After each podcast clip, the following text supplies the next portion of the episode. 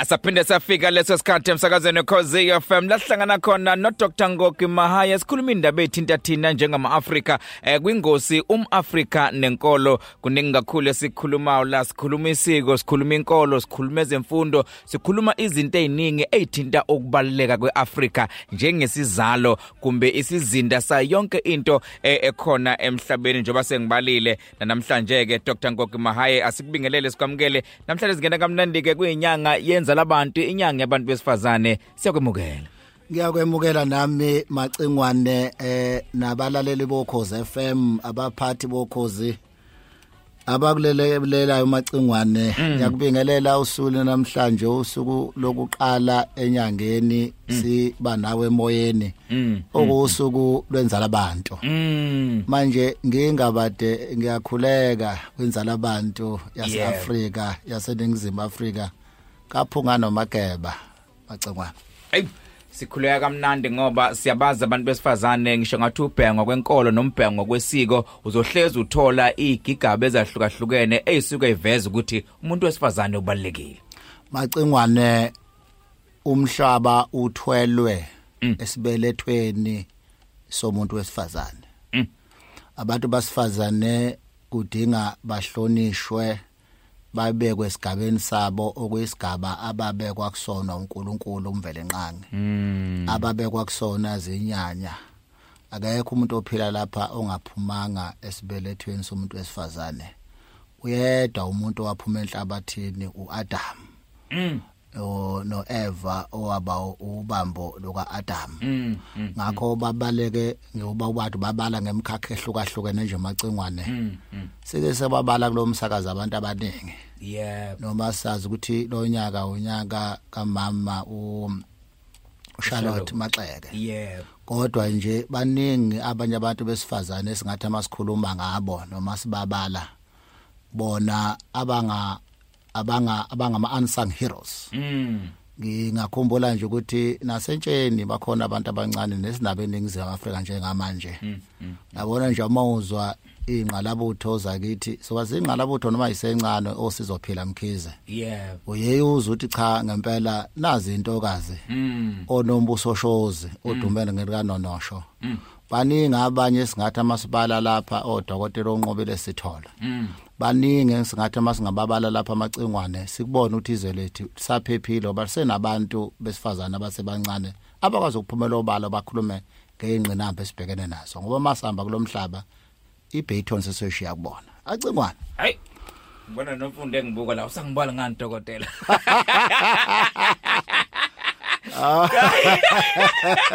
ulebelezi cha siyakubala nawe cha nomfundo. siyakubala nomfundo. Ngoba unomfundo ugama likandodwakazi Eh. udokotela uMahayo lapha eGrace Hospital eMaritzburg. Yebo. Uyazi ke sesixoxe nonomfundo abanye abantu besifazane onomfundo Eh. uproducer wakho macingwane mm mm. unomfundo mkhize yebo. Ebuncaneni babo abakhombise izimpawu zokuba abaholi Mm. kodwa ngoba sikhuluma ngabo namhlanje ngaze bese ngathi sesiyaba profiler hey. Kodwa uNkulunkulu ba profilile ngemisebenzi yabo. Sikhuleke nakubaphathi. Hawu madoda. Kunjalo. hawu kunjalo.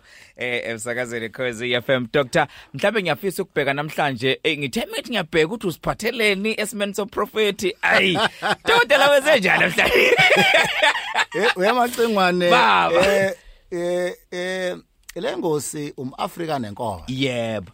Manje ngizophatha namhlanje iminxa ebambili ngoba ngizokhuluma ngomAfrika woqobo. Mhm. Eh lithi iBhayibheli ngeminyama kodwa ngimuhle awusona ngizokhuluma ngomAfrika woqobo kodwa futhi waba umprofeti kaMveli nqanga. Mhm. Waka waba umprofeti kaNkuluNkulu. Waba umprofeti kaJehova. Hey madoda. Waba umprofeti kaYahweh. Mm. Ngizokhuluma lapha nomuntu ogama lakhe malichazwa kuthiwa uNkulunkulu ngumehluleli uNkulunkulu ungumehluleli. uNkulunkulu ngumehluleli umprofeti owakhuluma imanga nemangaliso umprofeti owaphupha amaphupho esithi namhlanje zibonakaliso umprofeti owanqaba ngayo yonke indlela ukuba umqondo wakhe ucindezelwe. Lo mprofeti omakhuluma ngaye eBhayibhelini eTestamenteni elidala uma uke wazi kahle ngaye sesingasho sithi unenhlanhla ukuba ube nefoundation yokwazi ngesambulo okay. uJohane.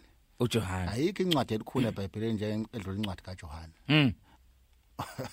Incwadi incwadi ka- incwadi kaJohane ethi isambulo okuthiwa isambulo ayikho incwadi elikhulu njengaleyo manje lena yenye incwadi ezikhulu eTestamenteni elidala incwadi kaDaniel. Namhlanje sokhuluma ngoDaniel Macengwane umAfrika woqobo. him ngimnyama kodwa ngimuhle akuyothuka omunye ukuthi um- um- um- umprofeti uDaniel uthi umAfrika waqobo. Ngisho ngoba amacingwane sizokhuluma ngaye kunento eziningi ezizovela ngoDaniel ezu- e- ekuyizona namhlanje izwe okumele libambelele kuzo. Siza nomprofeti Daniel namhlanje ngoba uma sewuthatha endulo sithatha izingxabo zethu amacingwane funeke bese sazi ukuthi manje ukwazi ngalezo ngxabo kuzokusiza ngani. Ngoba abantu esikhathini sanamhlanje bavamise ukunganaki imvelaphi yabo namasikompilo abo nesikompilo labo nempilo yabo nemikhuba yabo emihle engabafikisa ngale kwelamathongo. Mhlambe ke sifunde ngaye ke sizwe kabanzi ukuthi kanti kwakubani umprofeti uDaniel? uDaniel igama lakhe lisho ukuthi uNkulunkulu ungumahluleli. Okay. Wazalwa ezweni labaJuda eseyinsizwa kanye nezinye wayiswa eShinireyare lapha ezweni laseBhabheli macengwana inkosi uNebukadnezar ngonyaka ka605 before Christ. Babe sekuthunjweni lapha babethunjelwe khona eBhabheli ngonyaka ka1957 before Christ 597 before Christ. Iminyaka esishiyagalombili emva kukaDaniel nesihlobo zakhe.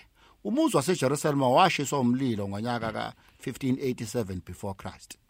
uJeremia washiya emuva eJerusalem lapho waprofeta khona waza wathathwa iGibhithe usho ukuthi bayehlokana phakathi. Kwase ukuthi isifunda isifunda ngoDaniel nabanye abathathu ukuthi babekwa phansi kwesandla senduna yabathenwa. Mm. uAshiphenazi yena wabanika umu amanye amagama ayehlonipha uthi othixo baseBhabheli. Acingwane ijulile ke la bahatha mabefika lapha banikwa amagama sebesedingisweni. Amagama ayizobenza ukuthi bakwazi ngalawo magama ukuhlonipha othixo. baseBhabheli. Usho ukuthi ithixo mm so uDaniel yena wabizwa ngegama elithi uBelita Shasari ngoba wayebizwa ngoBelishathasari nje wayeqanjwe induna mm yabaJuda.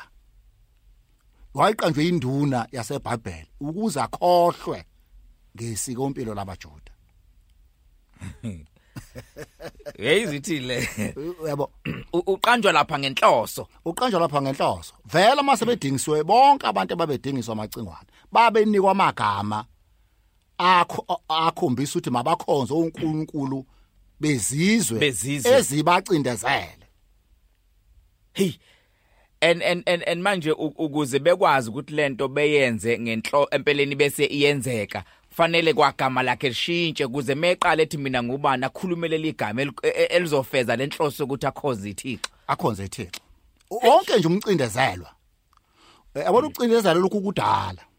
Kuyeke nje okwami ukuthi nami ngake ngaba nenkinga esikoleni. Yep. Noma Diba waba nenkinga esikoleni.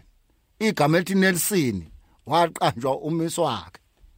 Ehlule ukuthi holy hlahla Eh, ehlo ukuthi holy hlahla hayi kwangabe ehlo ukuthi holy hlahla babethi leli igama elobuqaba barbaric name. Oh yes. Udinga igama lenkolo kusho ukuthi igama oliqanjwe uyihlo njoba ngungugi angingayibizi ngungugi angiqhab- angiqhamisa kakhulu Emmanuel. Aliphelele leli gama. Aliphelele ligama ngoba igama lakwa Satan lento indala lokucindezelwa ke kuka kuka Israel kwabaJuda kwamaHebheru kwa- kwahamba isikhathi eside ngoba even okuzalwa kaJesu kwathi mayisithathwa inkolo yaseAfrika eyayifike noJesu engumAfrika emnyama njengawe kwadinga balithathe igama lakhe. Benze lokho okuthiwa transliteration. Transliteration. Transliteration not translation. Transliteration. Literation. Yabona manje kwase kuthiwa uJesu lo akabizwe ngoJesu. Ongelona igama lakhe igama lakhe ku- kuyeshua. Igama lakhe lungqo kwakuyeshua. Uyeshu igama lakhe ngqo lo- lo- lo- ngoba phela wayengumAfrika wayeyeshua hayi dokotela siyafunda futhi ke siyaqonda kabanzi ngezindlela umcindezeli ayisebenzisa ukusicindezela eh thina abantu abamnyama njoba uveza ukuthi umprofeti uDaniel wacindezelwa naye wakhishwa kumbe waphucwa igama. Kanti noJesu naye uze qhamuke sewuJesu omhlophe nje kahle kahle wemnyama uzuveza negama ukuthi washintsha igama lakhe lokuzala kwakuyeshua kodwa washintshwa gcina ke esewuJesus. Njoba sesazi ukuthi nje eh uJesu. Siyafisa ukuqhubeka bazi nangesonto elizayo sifunde eh ngoba kuningi kumele sikwazi thina njengama Afrika ukuze sigcine sesiqonda izinto eziningi engicabanga ukuthi lengosi umAfrika nenkolo izosinikeza zona.